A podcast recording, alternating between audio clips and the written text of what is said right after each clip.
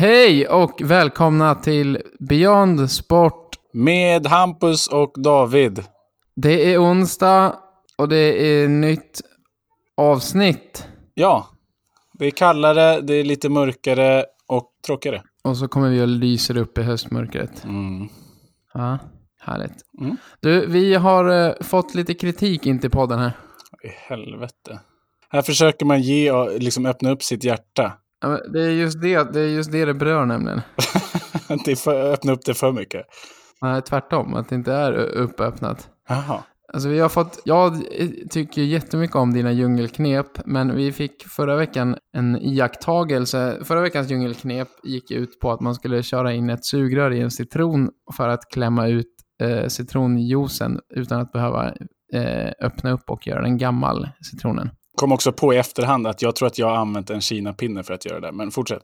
Mm, okay. just det här Mm. eh, har tydligen en källa Mm. då sett på Instagram två dagar innan eh, det här sändes och är, är otroligt upprörd över att det inte verkar som att det här är organiskt eh, och kommer från ditt hjärta det här djungelknepet. Men, men gör det det? Ja, ja, det gör det ju. Men och det är väl det som är djungelknep, att det är vissa liksom, husmorstrick och sånt. Men alltså, vissa av de här grejerna tycker jag är självklara, kanske inte det här då, men, men vissa saker tycker Nej. jag är självklara, men inte för eh, alla. Då är det här tydligen eh, Tommy Myllymäki eller Franzén vi har pratat med, som tycker att det är halvdana djungelknep vi Ja, kommer. nej.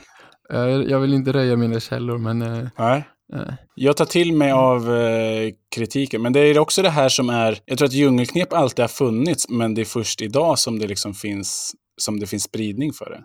ja, verkligen ja. Djungelknep finns ju, har ju aldrig funnits så lätt tillgängligt som Mm. ett Instagram-klick bort liksom. Mm. Nej, jag tar till mig av kritiken. Nej, men det, det ska du inte. Det, det är ju snarare så att, att du är så i samtiden och liksom att den här kunskapen som du sitter på är ju tydligen värd någonting i och med att folk drar nytta av den och, via, och lägger upp det på Instagram och vidare. Mm. Ja, men eh, tack och eh, Dra åt helvete. gör det bättre själv då, din jävla idiot. Nej, jag uppskattar all form av eh, kommentar, feedback, oavsett om den är eh, icke, vad säger man, konstruktiv. Sak nummer två här då. Mm. Vi har ju bägge gått och blivit veganer. 100 procent. Japp, de senaste tre dagarna i alla fall. Went overnight. Mm. Men, vi, så, vi har bägge sett dokumentären på Netflix som heter The Game Changers. Ja, just det, just det. Just det. Ehm, det finns ju ett gäng dokumentärer om eh, hur dåligt det är med kött och sånt. Men den här handlar om elitidrottare och hur, det, hur man kan vara elitidrottare och ändå vara vegan. Och eh, det negativa med att käka massa kött. Och bara så att folk förstår, vi förstår ju också att den här är köpt på samma sätt som köttindustrin är köpt. Precis. Och vi, går ju vi sväljer ju den med hull och hår. Så att vi har, ju, vi har ju insikten om att vi är lättköpta. Så är det. Man blir ju otroligt... Jag vet inte hur många som efter den här eh, ko, ko eh, Netflix-dokumentären Mm. var veganer i två och en halv vecka. Mm. I liksom avsmak och inspiration efter att ha sett den. Och lite så är det ju här också nu. Mm. Eh, Men jag håller med dig. Jag tror att vi eh, är medvetna om eh, dess propaganda. Men man blir ändå någonstans medryckt. Och jag har inte ätit mjölk eller animaliska produkter sedan dess. Nej. Den dagen, den sorgen. Ja, men jag tänker mig att vi, vi kan återkomma till det. Vi kan släppa det nu, så återkommer vi till om du bara käkar vegansk mat den här veckan och se.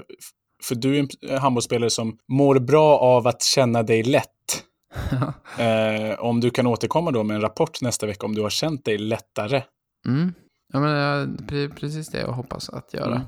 Men och du har inte heller ätit... Eh, Alltså det som jag, jag och eh, min kvinna har bestämt är att vi ska göra en habrovink här nu. För att hennes farsa är jägare så att vi har bestämt att vi ska käka vegansk mat och vilt.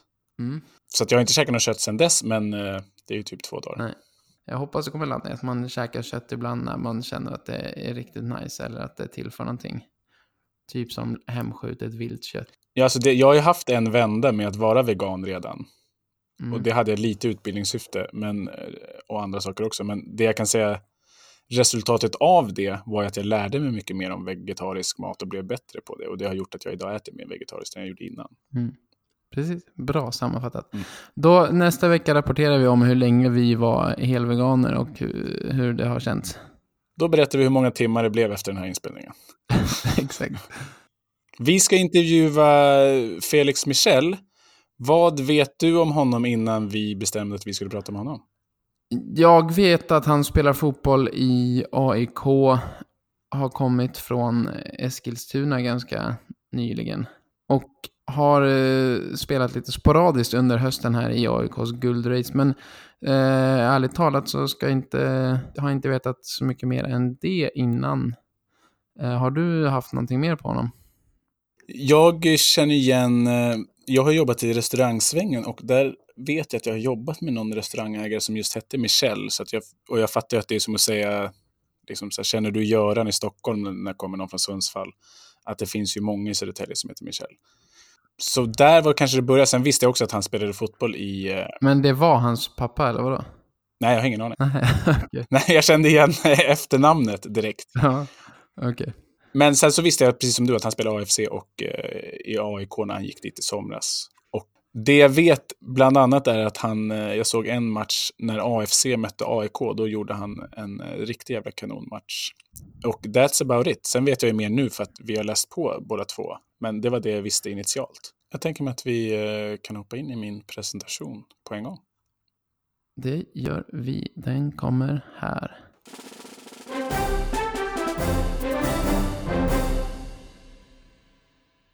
Felix Michel är fotbollsspelaren som är född nådens år 1994. Felix är svensk-libanes och representerar det libanesiska landslaget i fotboll. Han startade sin professionella karriär i Syrianska och säsongen 2013 flyttades han upp i A-laget. 2016 gick flyttlasset till Turkiet och adressen blev Eskişehirspor. 2018, efter en icke ömsesidig uppsägelse från sitt kontrakt i Turkiet så tog Felix sitt pick och pack och flyttade hem till Sverige. Det blev för AFC Eskilstuna. I somras värvade han av AIK. Felix har en storebror, Alexander, och som är fotbollsproffs, också han, och representerar det libanesiska landslaget. Avslutningsvis så har jag två olika kuriosa och en tes om Felix. Felix är enligt fotbollsexperten Alexander Axén en av allsvenskans bästa och mest lovande spelare. Han har precis varit i Nordkoreas huvudstad Pyongyang och spelat landskamp mot Kimpas grabbar i Nordkorea. Där det ska ha varit träklappor i händerna på varenda en av de obligatoriskt närvarande 50 000 besökarna.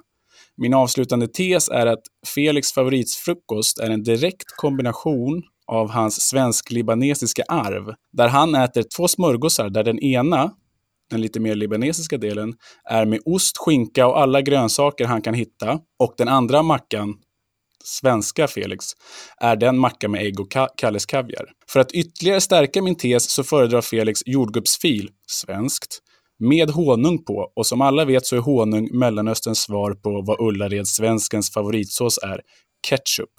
Med det sagt, välkommen till Beyond Sport, George Felix Michel. Yes, tack så mycket. Tack så mycket. Eh, det, jag, Ja, Du får jättegärna korrigera vad som är rätt och fel här nu. nej, det var jättebra. Det var jättebra intro. Jag tänkte bara säga att jag bytte ut ena mackan där med ägg och kaviar. Ja, till. Eh, det är bara ägg nu. Du har slutat med kaviar? Ja, det har jag gjort. Nu när jag bytte till AIK. Vad beror det här på då? Nej, inget speciellt. Det är bara att äggen, det är stekta ägg som är lite godare. Ja. Vi brukar eh, ha en lite kronologisk ordning här för att liksom få en bild av dig, Felix. Kan inte du eh, ta oss med på din uppväxt och ta oss med på den resan? Oj, ja. Eh, jag började ju tidigt med fotboll. Eh, jag kommer inte ihåg exakt hur gammal jag var, men väldigt tidigt. Det var faktiskt min mamma som var tränare då, första, när vi var väldigt små.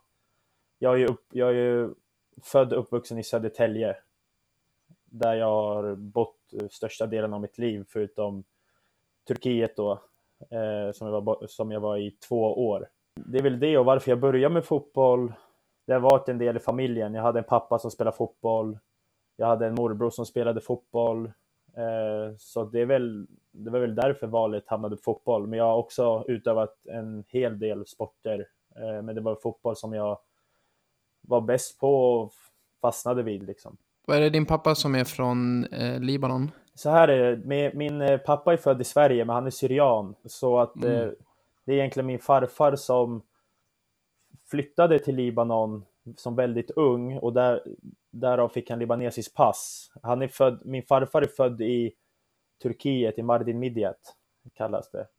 Så han flyttade väldigt ung till Libanon och fick libanesiskt pass. Och det är på det sättet eh, jag och min bror har kunnat eh, lösa libanesiska passen.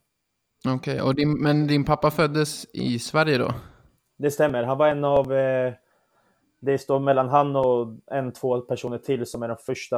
Eh, han är en av de den första födda syrianen i Sverige. Mm. Mm.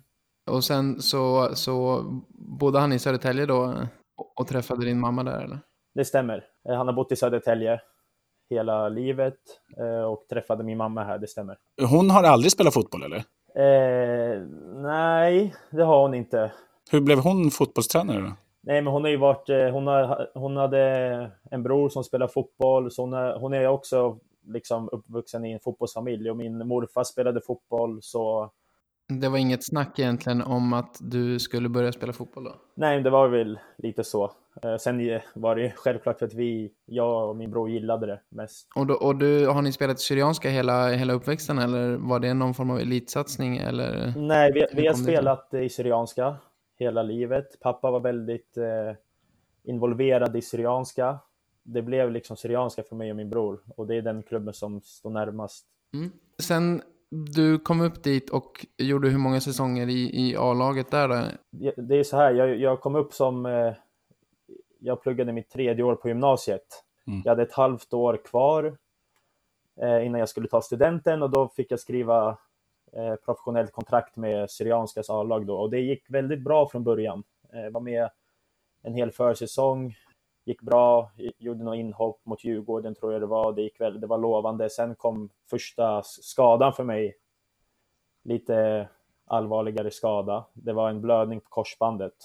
Sen var det, jag växte väldigt sent och väldigt mycket. Från eh, tvåan till trean på gymnasiet växte jag från att vara kortast i klassen till att vara den längsta när vi gick ut. Med, med det sagt så hade jag väldigt eh, mycket småskador, så jag var i stort sett till och från under tre år och sen hade jag, jag skrev på kontraktet i mars så att jag hade ju till mars på mig och det betyder att jag hade en försäsong och då kände jag det, det, det här är efter tre år, då, då, kände jag att nu måste jag, för det var knappt så att Syrianska nästan ville behålla mig för att jag inte hade gjort något speciellt på tre år. Och då kände mm. jag att nu måste jag liksom vara seriös, eh, ta det här seriöst och göra något. Och då eh, gick det jag var skadefri, fick eh, spela Svenska Kuppen där det gick oerhört bra. Och sen eh, så det är därifrån egentligen som jag ser att min vändning kom. Hade du inte varit seriös eh, på samma sätt innan där då eller? Det, det, var, det var mycket annat som kom in i livet. Eh, det var mycket där med studentfiranden och andra saker jag tyckte var roligt och i kombination med skador. Och det det ena har väl med det andra att göra lite grann, att jag inte tog mm. hand om mig ordentligt. Eh, sen kände jag att jag, man, man växer liksom, både inte bara i kroppen utan i hjärnan också, att vad som är, vad som är viktigt och så vidare. Får jag bara fråga dig, du sa att du kände av att eh, det var nästan som att Syrianska knappt ville ha dig. Var det något snack de tog med dig eller märkte du bara att du kom längre och längre från truppen? Eller Nej, men... hur uppdagade det sig och, och hur hanterade du det? Ja, nej, det var, det var egentligen inför säsongen. Då hade vi fått en ny tränare och han pratade med mig och jag, han sa jag kommer, du kommer få vara här och visa dig liksom vad det går för. Mm. Så att jag fick ändå vara kvar de, de, här tre månaderna och då, det var lite som en väckarklocka för mig också att för jag, jag har alltid vetat någonstans att jag har, det har jag alltid vetat att jag har fotbollen inom mig, bara att det aldrig har kommit ut. Som jag, det har ju med lite omständigheter att göra. Men eh, vad är det för omständigheter? Då? Nej, men det här var jag var inne på. Det, ah, okay. Jag var helt seriös, om man säger så. Tog det inte professionellt som jag borde ha gjort. Mm. Jag kan ju se, alltså jag, jag, tycker att det är många som pratar om att de har otur med skador och sånt. Men som du är inne på lite Felix, att jag, tyck, jag, jag ser ju ett starkt samband på personer i ens eget lag och sånt då, som har otur med skador. Och som sitter uppe och käkar pizza och spelar tv-spel till klockan fyra på natten att visst, det är klart att man kan ha otur och dra av ett korsband, men jag tror också som du säger att det har mycket att göra med hur man eh, sover, äter och tränar. Så jag håller med dig helt. Det, precis som du säger, det är jättemånga som liksom skyller på att ah, men jag, det, jag fick den här skadan, den här skadan. Självklart är det vissa som verkligen har otur, som man kan ta min bror som ett exempel. I min, i min situation så var det till stor del för att jag inte tog det seriöst. Så Mm. att det, det är det, det ena har ju med det andra att göra. Det är vad, det är vad man gör det till mycket. Och det var det, Nej, det, det var mycket, det var ja, mycket grejer som gjorde att de här skadorna kom också. Jag tog inte hand, hand om mig Mm. ordentligt. Det låter ju lite som att du hade kunnat vara ett kryddmått ifrån att vara den här eh, kompisen som alla har, som, som hade, jag hade kunnat bli proffs bara jag hade tränat, men som blev skadad. Men vad, vad, vad fick dig att, liksom, att ändra allting då? Liksom? För att, eh, jag tror att alla kan inse att man, att man säger, ja, men nu är jag på väg ut, men vad fick dig att säga, okej, jag måste verkligen ta tag i det här och vad är din plan och hur agerar du då? Ja, men exakt. Nej, men det, det, det, det du är inne på, det handlar om att vara ärlig mot sig själv också. Mm. Eh, Att det är så. Eh, Många är inte ärliga och eh, liksom analyserar ordentligt. Vad beror det, varför, varför har jag de här skadorna? Små skadorna överallt. Är det någonting jag gör fel? Eh, ja, och i min sitt svar är det. Mm. Så det handlar om att se sig själv och eh, gå vidare. Då fick jag liksom en, det var som en veckaklocka, jag hade tre månader kvar. Mm. Och eh, jag kände till och med att Syrianska som är min moderklubb knappt vill, alltså jag har inte ens en plats här. Eh, om jag inte gör någonting de här tre månaderna. Mm. Så det vart verkligen som en veckaklocka och att eh, nu har jag ändå fått leva mitt liv lite också i de här tre åren. Så nu är det dags att jag, jag tar det här seriöst. Eh, ordentligt. Och eh, det är det, från, från den stunden så förändrades mycket. Du säger det så jättebra där när du säger att, att du är ärlig mot dig själv.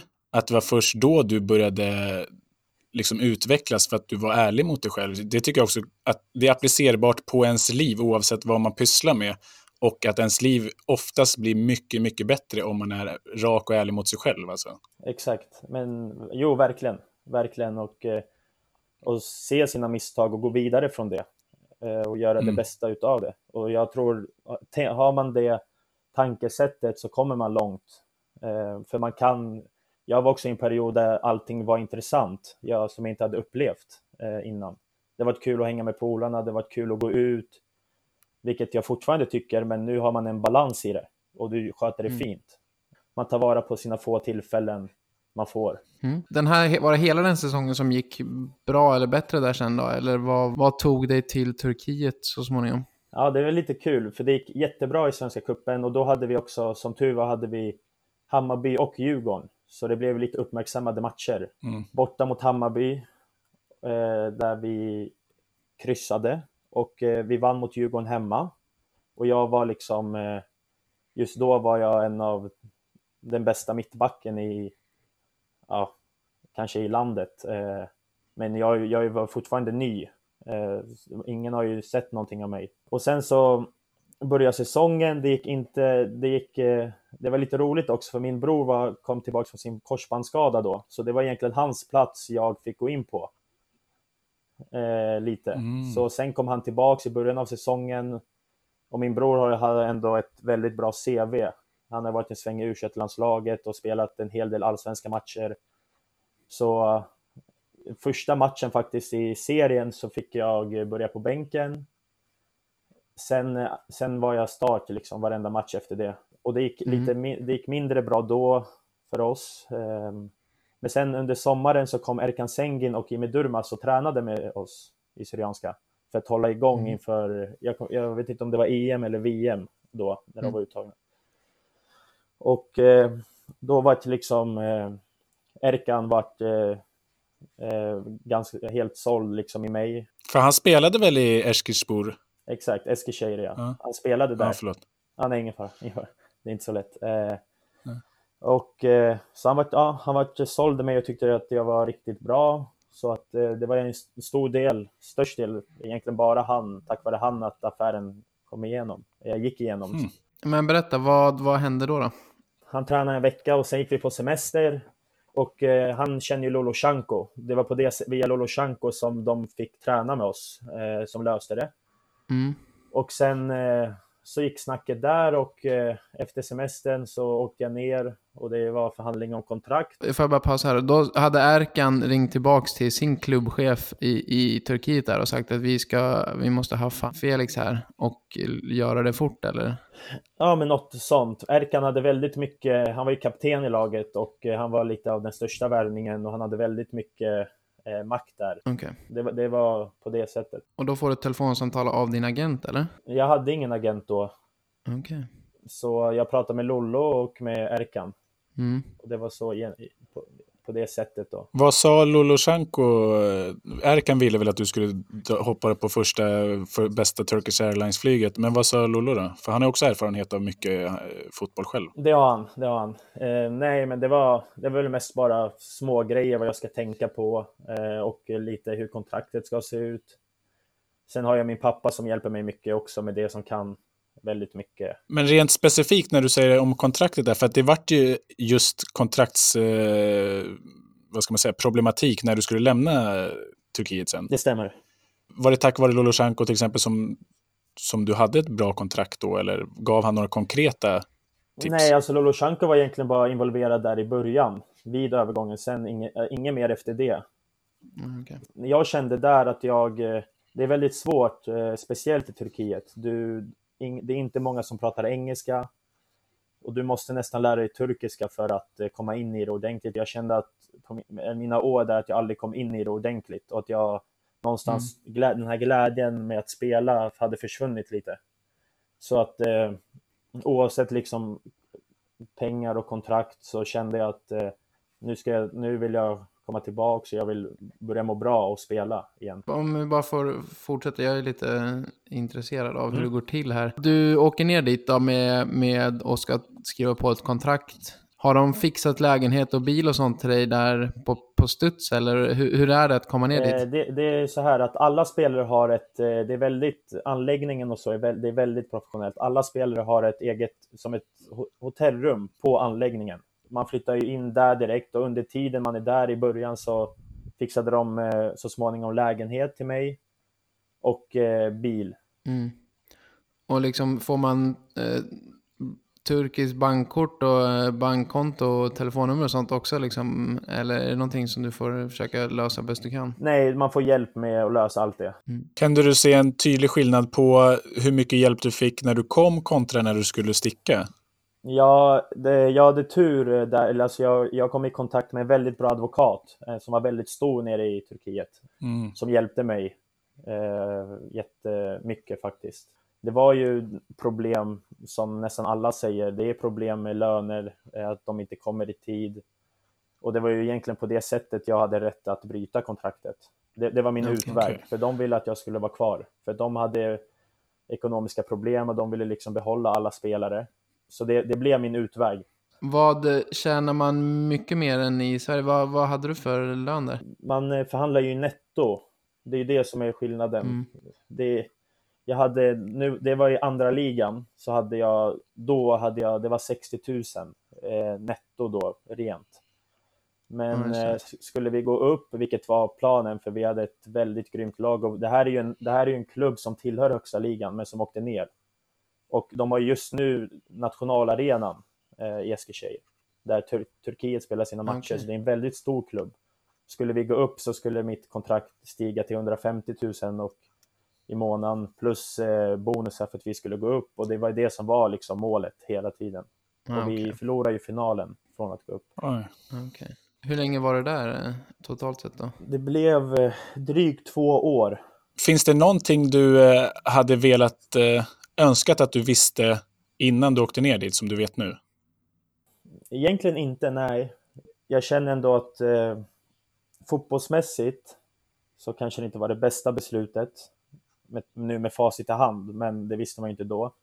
Men däremot, det, det, jag växte mm. väldigt mycket som person. Att liksom flytta själv eh, ganska tidigt och eh, så det var mycket annat som, eh, som var väldigt nyttigt för mig. Mm. Får jag fråga mm. bara då lite så personlig fråga? För det har jag hört med fler idrottare och campus eh, ja. som flyttade ner till Frankrike själv.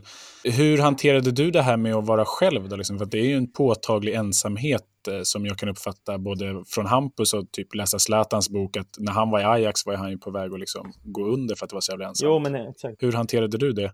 Det var ju svårt lite, men jag hade en väldigt bra vän, en turk från Tyskland. Vi var i samma ålder. Eh, så vi, det, det var ju bra. Sen, sen, vad gör man? Du kollar på serier, mycket, mycket PS4.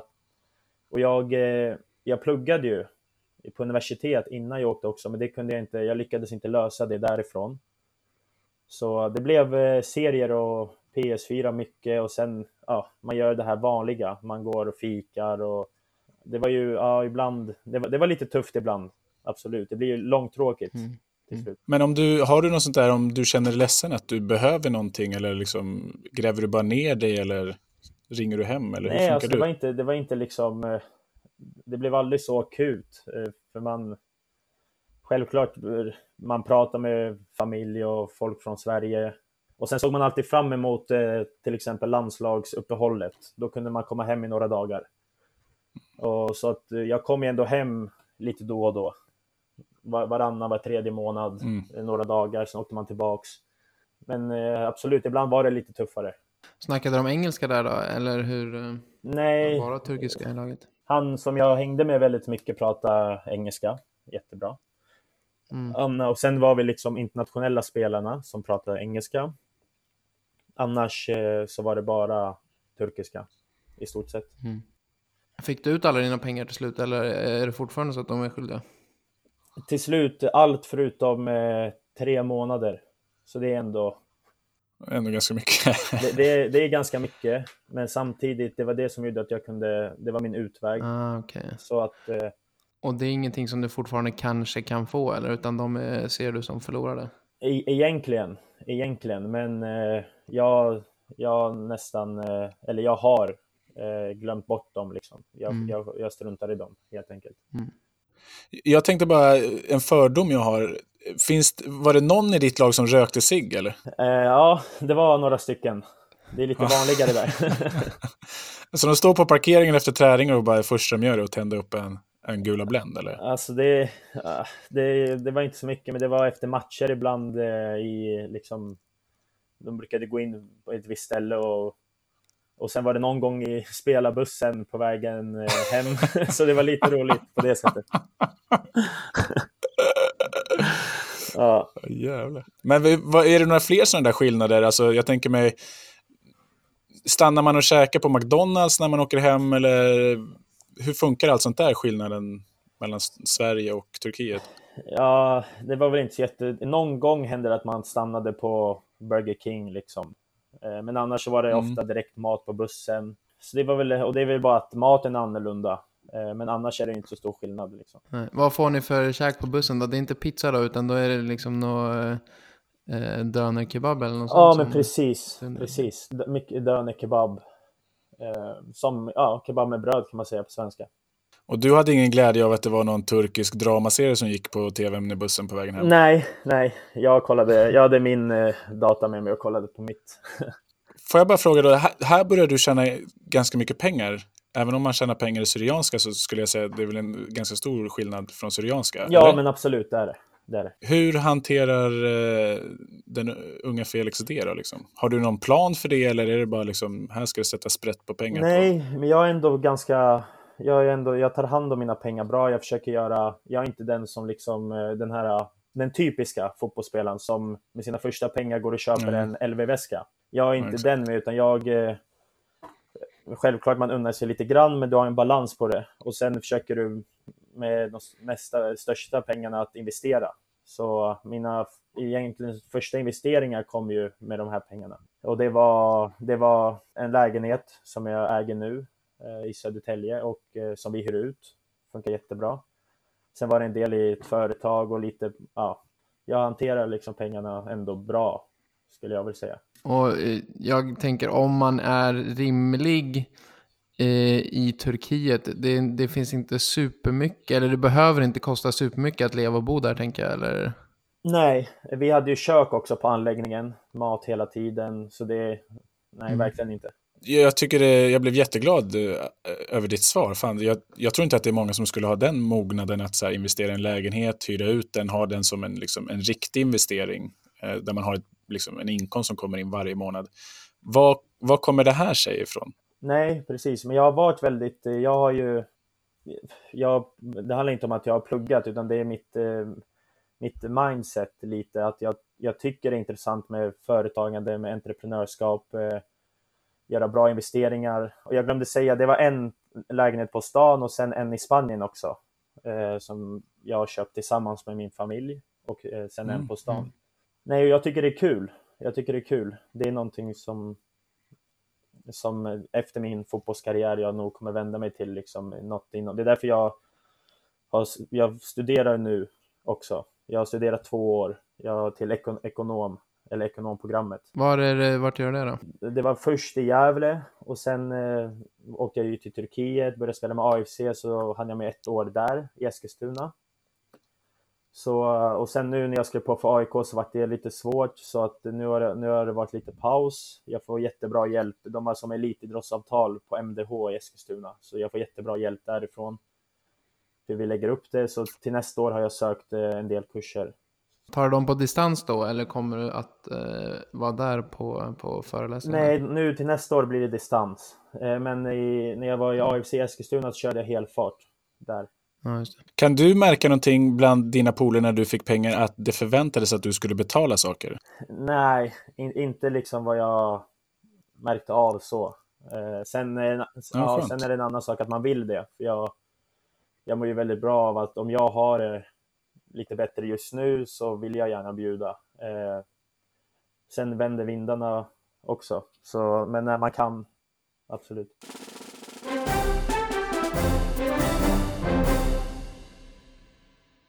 Vi har eh, ett segment som är pest eller kolera, Felix. Okej. Okay. Är du eh, bekant med pest eller kolera? Nej, inte riktigt. Eh, men då är det så här att du kommer, David kommer ge dig tio eh, frågor som kommer bestå av två alternativ som då är eh, mer eller mindre skitdåliga bägge två. Okej. Okay. Eh, och så är det upp till dig då att välja det minst dåliga helt enkelt grejen med det här är att det går inte riktigt att välja något alternativ, för båda är lika dåliga egentligen. Liksom. Ah, Okej, okay. yes. Mm, och det är ju inte superallvarliga frågor. Eller det kan vara, men eh, ja, vi får se vad David har att komma med den här gången. Yes.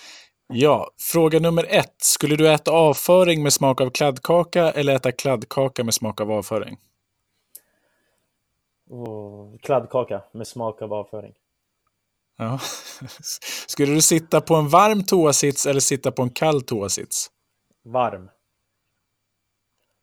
Varför det? Nej, men det känns väl lite mysigare. Låter det i alla fall. Även om den kan ha suttits av eh, Bosse 130 kilo när han har suttit en halvtimme på toan innan och värmt upp sitsen. Alltså det, det beror ju på om jag vet det eller inte. Men, säg att du är på Sydpolen, eh, äventyrsbad i Södertälje, ska gå in på en sån här båstoalett. ja. Vill du ha en varm eller kall stol då? När du lägger upp det sådär så börjar man väl fundera lite, men ja, det, det, kan, då kan det bli en kall också. Det beror på vem som har varit, om man vet vem som har varit där innan. Det beror på omständigheterna. Alltså. Fråga nummer tre. Alltid somna med den du älskar, men inte vakna upp ihop. Eller att du alltid får somna ihop med den du älskar, men du får aldrig vakna upp ihop. Jag skulle nog välja att eh, somna Mm. Ja. Fint ju. Fråga nummer fyra. Har könshår som tänder eller har tänder som könshår? Jag skulle... Eh, könshår som tänder. Ja. Fråga, fråga nummer fem är lite lång, men ja. du får bear with me. Skulle du gifta dig småskaligt på ett snålt svenskt sätt med 10 kronor ölen och garanterat slagsmål innan efterrätten? Eller gifter dig storskaligt på libanesiskt vis med de närmsta 1200 personerna, tv-team, rökmaskiner, fyrverkerier och blomarrangemang lika stora som pengar i kuverten man får? Det, det där var ju inte en så svår fråga, för det är ju nästan så mitt bröllop kommer se ut. Som vi håller på att planera. Som det sista? Ja, som det sista. Okej, okay. hur många är det som kommer på bröllop? Eller är bjudna rättare sagt? Vi, det är planerat till nästa år i december, så vi har börjat lite lätt liksom. Men Nej, Kanske inte 1200, men eh, jag tror vi kommer landa på mellan 500 till 600. Oj. Vart ska ni ha det här då? I Södertälje. Eh, Det står fortfarande mellan två lokaler, så vi får se nu vilket valet faller på. Alltså jag har ju tjejkompisar som eh, är från Södertälje. Det går inte en helg utan att de är på bröllop. Nej, men det är så. Det är, det är ja, syrianbröllop. Och Ja. släkten är stor och eh, många blir bjudna.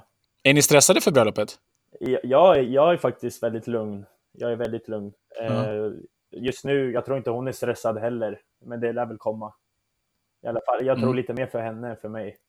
Vad, finns det någon så här äh, pengar i kuvert-fråga? Eh, Finns det någon... Är det här, om du får ett kuvert med pengar säger fy fan vad snålt. Alltså, Vart går gränsen liksom för snålt, okej och generöst? ja, alltså det, det brukar vara, man brukar ju ha som en eh, typ vad man ska lägga eller vad man, ja. Men, men jag, Ja, men vad är det då? man, man brukar säga minst en 500 per kuvert. För det är typ det man dricker och äter för. Och sen, Ja. sen är det så här, vissa, har det, vissa kanske inte har pengar och har det tufft. Och så huvudsaken är ju att de kommer. Liksom och att man Mm. får fira ihop med dem. Så det innebär, Att pengarna kommer. ja exakt. Fråga nummer sex då. Det här är en tre, eh, första gången vi har tre alternativ svar. okej. Och det har lite med att göra eh, med svensk-libaneser att göra här då. Men du får välja att antingen vara Josef Fares, Fares Fares eller Roy Fares. Men då, då hade jag nog valt eh, Fares Fares. Mm. Ja. Han är cool. Ja, han har mest pondus utav de här. Fråga nummer sju. Aldrig mer få äta kött eller aldrig mer få dricka alkohol? Oj, oj, oj. Ja, den där var svår. Eh, Men jag hade nog tagit eh, aldrig mer få dricka alkohol. Ja. Veta när du ska dö eller veta hur du ska dö? Hur jag ska dö. Mm. Fråga nummer nio. Aldrig mer få äta lösviktsgodis eller aldrig mer få äta baklava? Aldrig mer få äta baklava. Okej. Sista frågan då. Få presentkort på McDonalds för 250 000 kronor eller få 10 000 kronor i, i kontanter? Jag hade tagit presentkort på McDonalds. 250 000. Det räcker ju nästan hela livet. Käkar du mycket på Donken eller? Nej, det gör jag inte. Det gör jag faktiskt inte. Men eh, det händer väl någon gång och man kan ju... Det finns väl andra som du som äter där så man kan ju sälja lite också. Sälja. Kommer ekonomen fram. Ja, men exakt. Exakt.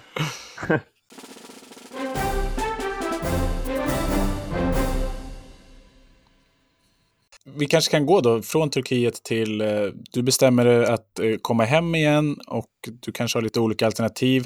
Men det faller på AFC. Ett, eh, en av anledningarna var att din bror Alexander spelade där, eller? Det stämmer. Och jag, med tanke på att det var lite strul där med att jag lämnade klubben i Turkiet och så var vissa klubbar oroliga. Så det var ju ett litet problem, litet problem för mig.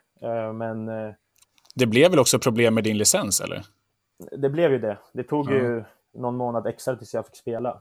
Eh, så ja, det är ändå, och det är som du säger, eh, där var min bror och som har liksom gjort sig ändå ett namn i klubben och spelat. Så det hjälpte ju. Och till slut så blev det AFC. Så då kom du dit och tog hans plats där också alltså. Ja, nej, nej där, som ni var inne på, där fick jag inte licensen. Eh, Så jag var ju, jag fick inte spela på ett tag. Och det gick väldigt bra för AFC, så att eh, första fram till sommaren så var det mest inhopp och sen efter sommaren så provade han mig på mittfältet. Och det gick jättebra. För jag har ju i grunden i min ungdom så spelade jag som mittfältare. Jag gick upp, så, eh, seniorfotboll gick jag upp som mittback och sen i AFC där efter sommaren så hittade jag tillbaks på mittfältet och det gick jättebra. Där spelade jag varenda match fram till, sen hamnade vi på kvalplats och mötte BP i kvalet och vi vann och gick upp till allsvenskan. Sen gjorde du en säsong där, eh, eller en och en halv dag innan AIK tog det. Vad kände du för skillnad mellan AFC och eh, AIK när du bytte? Jo, men absolut. AIK är ju, det är en av Skandinaviens största klubbar. Så att eh, absolut så är det en del skillnader när det kommer till allt runt omkring. Så det är det. det, är det. Vad, eh, har du något specifikt liksom som du, som du tänkte på direkt? Att wow. Ja, men det var väl, anläggningen är ju, det är ju en bra anläggning, du har allting, du, Eh, när det kommer till fysio, till sjukgymnast, och har det. Vi har ett kök, en, en jättegrym eh, kock som lagar frukost och lunch och lunch till oss varje dag. Alltså allting runt omkring liksom. Ett, eget, ett Mm. helt gym på anläggningen. Hur mycket tid spenderar man på en vanlig dag i eh, AIK och på, på anläggningen där? Det, det brukar vara så att man får komma in när man vill lite mellan 9 och 9.30 och äta frukost. Och sen eh, byter man om lite, eh, byter om, sen har vi alltid ett morgonmöte vid kvart över tio. Där eh, ja, trä- eh, Rickard går igenom, eh, det beror på om vi har match eller det kan vara vad som helst, analys. Och sen eh, kör man, har vi lite tid så man får gå in till gymmet, köra prehab och sen går vi ut och tränar. Så träningarna startar väl mellan, ja, runt 11. Får jag, får jag bara pausa dig innan här nu? Finns det, jag är superintresserad eftersom jag jobbar i skola också och, och vi har pratat tidigare om hur man hanterar mobiltelefoner. Ja. Är det, jag fattar att man kanske inte sitter och kör Candy Crush när Nordling går igenom nå, eh, liksom senaste matchen. Eller får man ha mobilen då? Eller hur ser det ut? Ah, nej, nej. Då, då, eh, jag brukar lämna min mobil i, liksom i omklädningsrummet. Eh, Men det, du kan ju ha den i fickan, men det ska vara ljudlös och liksom avstängd. Eller ja, något sånt. Finns det några tydliga regler på vad som gäller eller inte gäller? Nej, men det, det är mer sunt förnuft att eh, när Rickard pratar så stäng av mobilen eller sätt dem på ljudlös så att det inte stör. Mm. Det är väl det. Ni har ingen böteskassa på det eller? Nej, vi hade, vi har, det var faktiskt, det är ingen böteskassa eh, kassa i AIK alls. Okej. Det hade vi i AFC, men det var ingenting Mm. i AIK. Hur känner du att det funkar? Eh, Förhåller sig folk till reglerna ändå eller känner du att man är lösare i kanten där? Nej, jag ser inte det som något problem utan mm, alla håller liksom reglerna ändå. Mm. Vad var det du fick betala i AFC i form av straffavgifter? Eh, Det var väldigt lite för min del, men det var väl någon gång att man glömde någonting. Eh, Man har tagit av sig en jacka under uppvärmningen och lagt den vid sidan och sen glömde man ta in den efter träningen. Okej. Vad snackar vi för summor där? Nej, vi pratar allt från 50 till eh, 200 beroende på lite vad det är. Jag tycker också i, så här, i fotbollsklubbar borde det verkligen vara som det här finska systemet är för fortkörningsböter, att det baseras på vad man tjänar. För att om Mm. du tjänar liksom 200 000 i månaden, då gör det inte så jävla mycket om det är 150 spänn på att slänga jackan upp på läktaren eh, i, på uppvärmning. Liksom. Nej, men exakt. Jag, jag håller med dig. Det borde vara så, för det är så stor skillnad. Vi har vissa som tjänar, när de har fått några böter och de Ja. måste betala dem i slutet av månaden, det känns verkligen för vissa Ja, exakt. spelare. Eh, Så absolut, jag håller med dig. Vi har den eh, i vårt lag ju- just nu debatten om att man ska ha någon form av procentuell böteskassa. Mm. Just för att vi har ju allt från spelare som tjänar, tror jag, 11 000, 12 000 euro netto till spelare som tjänar 500 euro eh, i månaden. Ja. Och att de då betalar liksom Det är orimligt. samma... Ja, det är riktigt orimligt faktiskt. ja, men exakt. exakt. Men om vi går vidare, så klockan ett, 11 går ni ut för träning. Och sen, eh, ja, den håller på en, en och en halv timme. Eh, Och sen är det lunch. Man duschar, vissa går och äter lunch direkt efter. Vi- Vissa duschar innan, vissa går in till gymmet. Alltså du kan, efter träningen kan du liksom göra, du kan dra direkt om du vill. Det är ingenting obligatoriskt. Mm. det, men ofta så stannar man kvar lite och man går in till gymmet. Om du kanske behöver behandling eller så det är, ja, man stannar lite hur man vill. Men kan, finns det möjlighet för att ta en liksom mysmassage eller är det en sån här triggerpunktsmassage att man liksom, eh, liksom knappt vill ta massagen? Det, det är ju mest för, alltså först och främst ska det vara för där man har känningar och skador, men det går absolut. Eh, om man vill ha bara en skön massage så går det också. Jag har en känning i svanken här bara. Ja, men exakt. exakt. Ja. Ja, men och sen är ni färdiga då eller? Eh, ja, sen är vi färdiga. Precis. Det där är ju, om jag ska relatera till mig själv här igen då, det är ju drömmen att ha det där schemat. För vi har ju också en, ibland två träningar om dagen, men den sena träningen är alltid klockan fyra, ibland Oj, halv ja. Vilket gör att man går hela dagen och väntar på den här träningen istället för att bara liksom göra den på morgonen och sen vara färdig med det. Ja, men exakt. Det, det- exakt. Eh, så känner jag också. Det är lite jobbigt. Men sen är det ju, vi har ju som du har fast under försäsongen. Ja, just det. Då brukar det vara två pass, men inte under säsongen.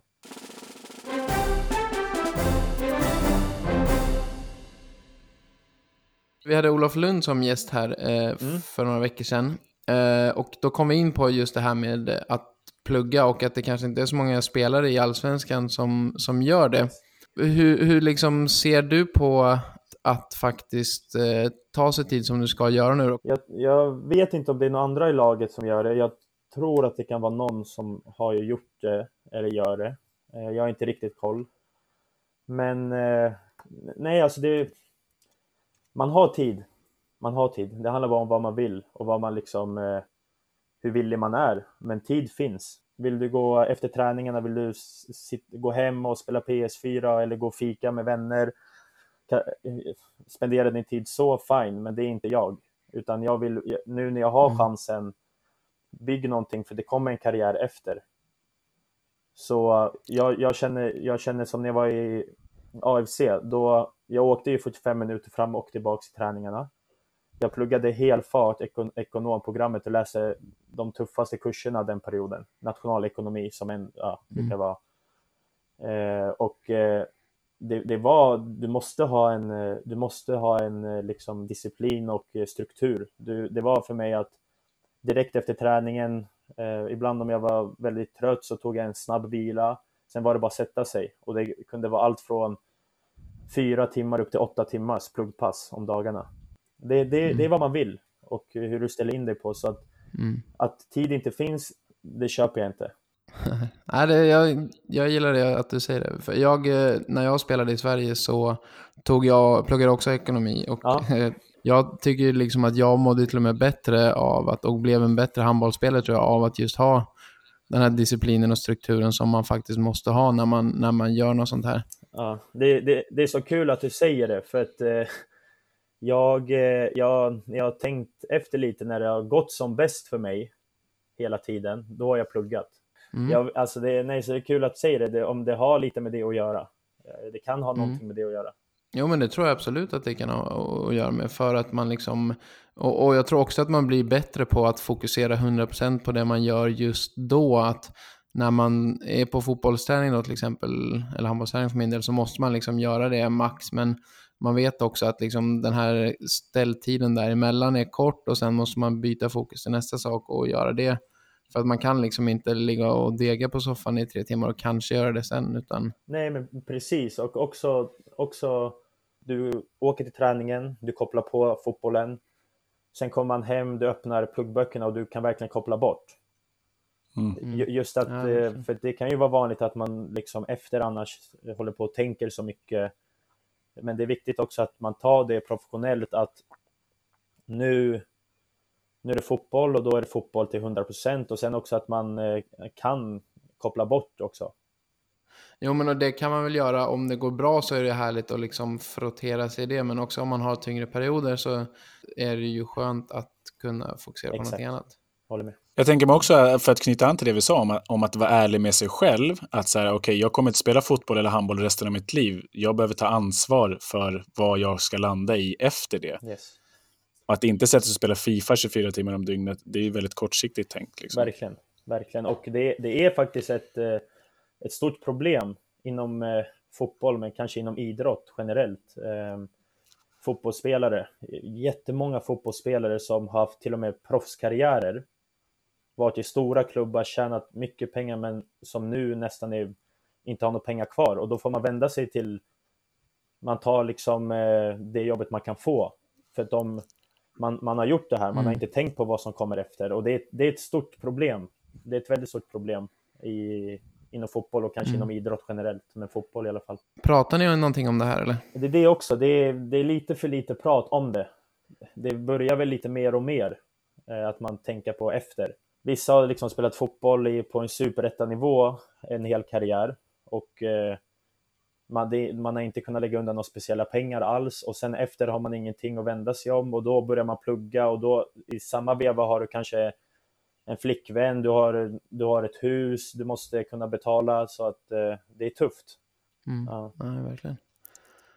Om vi är inne lite på eh, omklädningsrumssnack och så, då har vi en fråga som vi brukar ha är hur man ställer sig till att kissa i duschar i omklädningsrum.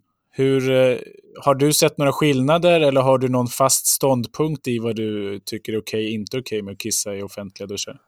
Nej, alltså det jag har aldrig sett någon, varken AFC eller AIK, som har kissat i duschen. Sen om man gör det hemma, eh, du själv liksom absolut, men inte, inte sådär när man är med andra. Så skulle jag säga att det, jag tycker inte Nej. att det är, Men någon har ju kissat i duschen i AIK. alltså det är, inte vad jag har sett. Men Nej, kan- vi ska inte hänga ut någon nej, här, men det måste, statistiskt sett så är det ju någon. Ja, eh, mycket möjligt. Men jag, nej, alltså jag har verkligen inte sett någon göra det. Fak faktiskt. Och Turkiet då? Inte Turkiet heller. Men då var det mest, man, eh, då duschade man mest, eftersom att man hade sina rum på anläggningen så gick man ofta upp på rummet och duschade. Ah. Eh, jo, men jag tänkte på det här med Libanon och landslaget där. Känner du dig libanesisk när du är där med, med dem och spelar? Jag känner ju mig svensk liksom, mest, absolut. Det är inget snack om det. Mm. Jag känner mig som en syrian från Libanon. Eh, för att syrianer eh, har ju en historia, vi har inget, vi, eh, vi har inget land. Så det är därför det har blivit så att en, en del föds i Libanon, Inte Midjat i Turkiet också en del? exakt, i Turkiet, i Midjat, Ja. ja. Mardin kom jättemycket från, och i Syrien.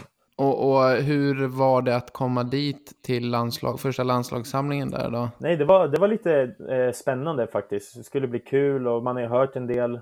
Nej, så det, det var kul. Det var i Australien faktiskt. Och eh, det var lite tråkigt. Vi Mhm. hade vår första match mot, eh, eh, var det Uzbekistan om jag inte minns fel. Mm. Och sen skulle vi möta Australien i Sydney där det skulle vara en jättestor match. Cahills sista match.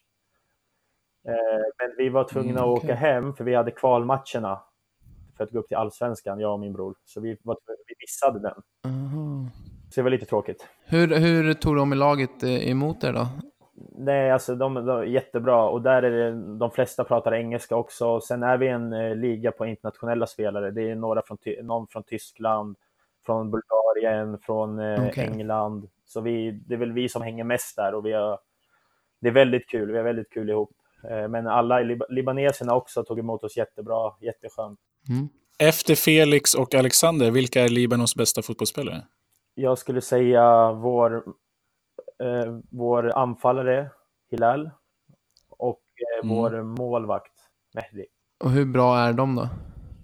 Var spelar de? Hilal spelar i, tror jag, om jag inte har fel nu, i tredje Bundesliga, tredje, ja, Mm.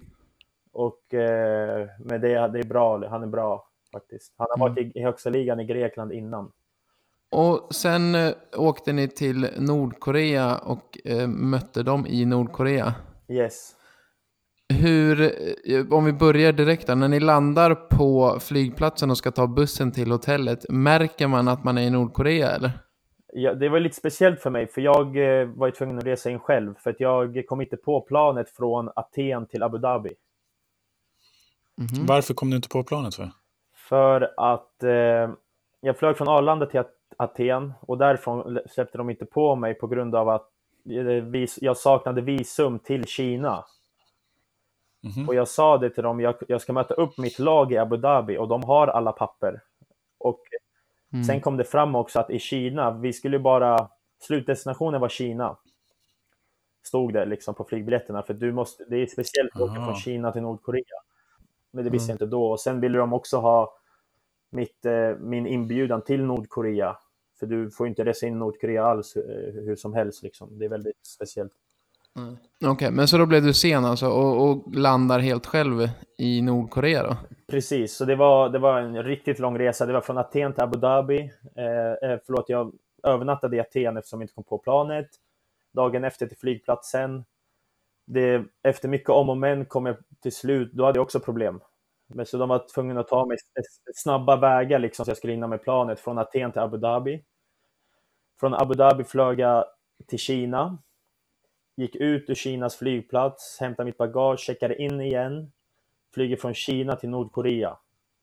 Kommer dit och då står ju, går jag ut genom, eh, jag hade med mig några snusstockar för vissa i laget snusar så jag tänkte vi- det ska bli kul att se liksom, om det kommer in. Eh, och det var, det var inga problem alls. De kollade inte ens på det utan det var bara, de gick igenom min mobil och min eh, iPad. Bara för Okej. att det är noll liksom internet där. Det är ju helt borta från omvärlden. Aha. Och så, det här var dagen innan matchen. Så jag var väldigt trött, helt slut. Och eh, med jetlag och eh, jag, de kör mig från flygplatsen direkt till träningen, för grabbarna hade redan börjat träna, sista träningen innan matchen. Så jag kommer typ en kvart, 20 minuter för sent in i träningen direkt. Tränar, åker till hotellet och då var det bara, jag sov hur mycket som helst och jag käkade liksom, fyllde på. Eh, ja, och sen kom vi till matchen det var obligatorisk närvaro. Det, var, ja, det, är, det är otroligt. Det är otroligt. Eh, alla hade ja. samma eh, kläder på sig. Det var en vit uniform. Det var runt 50 000. Det var helt fullsatt. Det måste ha varit lite mäktigt om alla var vitklädda. Det var, det var häftigt på sitt sätt. Det var riktigt häftigt att uppleva det, men samtidigt lite skrämmande. För att det var, mm. det är inte den här klassiska läktarkulturen alls. Det är mm. nästan som du ser i en film. Alltså det är mycket så här applåder men i takt och det är det var någon situation då målvakten, deras målvakt maskade med bollen mm. och det blev som ett våg av skratt. Det är, det är bland det sjukaste jag har upplevt. Vadå, berätta, vad, vad, vad, vad, menar du, vad hände? Han står och maskar och då tycker, ska de visa att det är roligt att han gör det eller? De har väl aldrig sett eh, det förut, att en målvakt maskar. Du vet när man leder och, mm. och så började en del skratta, ha, ha, ha, så blev det som en våg av skratt det var, alltså jag var så här, jag var nästan i chock efter. Jag bara så, och plus att jag var, jag var ju, jag var ju inte där. Jag, alltså jag var ju hur trött som helst och mm, lägad. Och... Det är säkert 48 000 som hade fått skratta hela sitt liv också där. Det är första gången ja, man får men, skratta. Ja, men mycket möjligt. men vad käkade man, eh, vad fick ni för käk där? Det var också lite kul. Det var inte så jättebra käk. Det var pasta och ris och sen var det någon kokt kyckling och fisk. Pastan var, var bra, liksom normal. Eh, de hade någon tomatsås.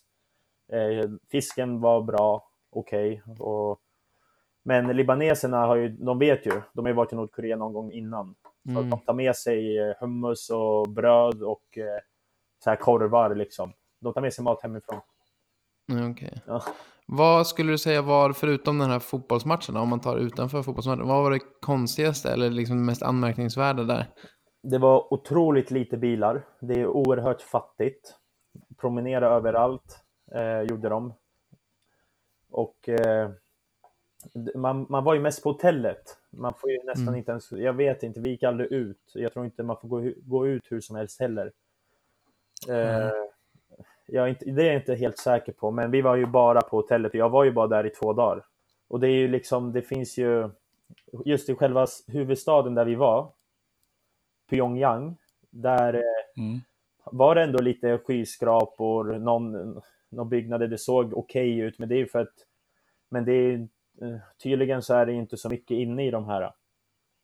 Det är mer för att det ska se bra mm. ut när det kommer mm. folk dit, eh, turister som kommer dit och vill kolla. Jo, för exakt. Jag har sett några dokumentärer så där om just Nordkorea. Jag ser framför mig och har ju sett när folk har åkt in i Nordkorea att det liksom, de blir vallade av någon som är från staten och så låtsas de komma till ett område där alla har det jättebra, jätteglada och går in i någon butik där det finns massa grejer och så finns det egentligen ingenting på riktigt. Exakt, liksom. exakt. Eh, jag gick själv aldrig in, mm. Eh, men jag har ju hört det där, precis det, att det liksom är som du säger, att det ser ut som att det finns, men det finns ingenting. Mm. Jag, jag fick inte uppleva det själv, live, men... Eh, Så du kommer inte köpa lägenhet i Pyongyang? Det, det tror jag inte, nej. nej. Vi har ju ett djungelknep i varje avsnitt också, eh, Felix, där David blässar oss med en eh, matkunskap eller något form av knep och hack, ett djungelknep helt enkelt.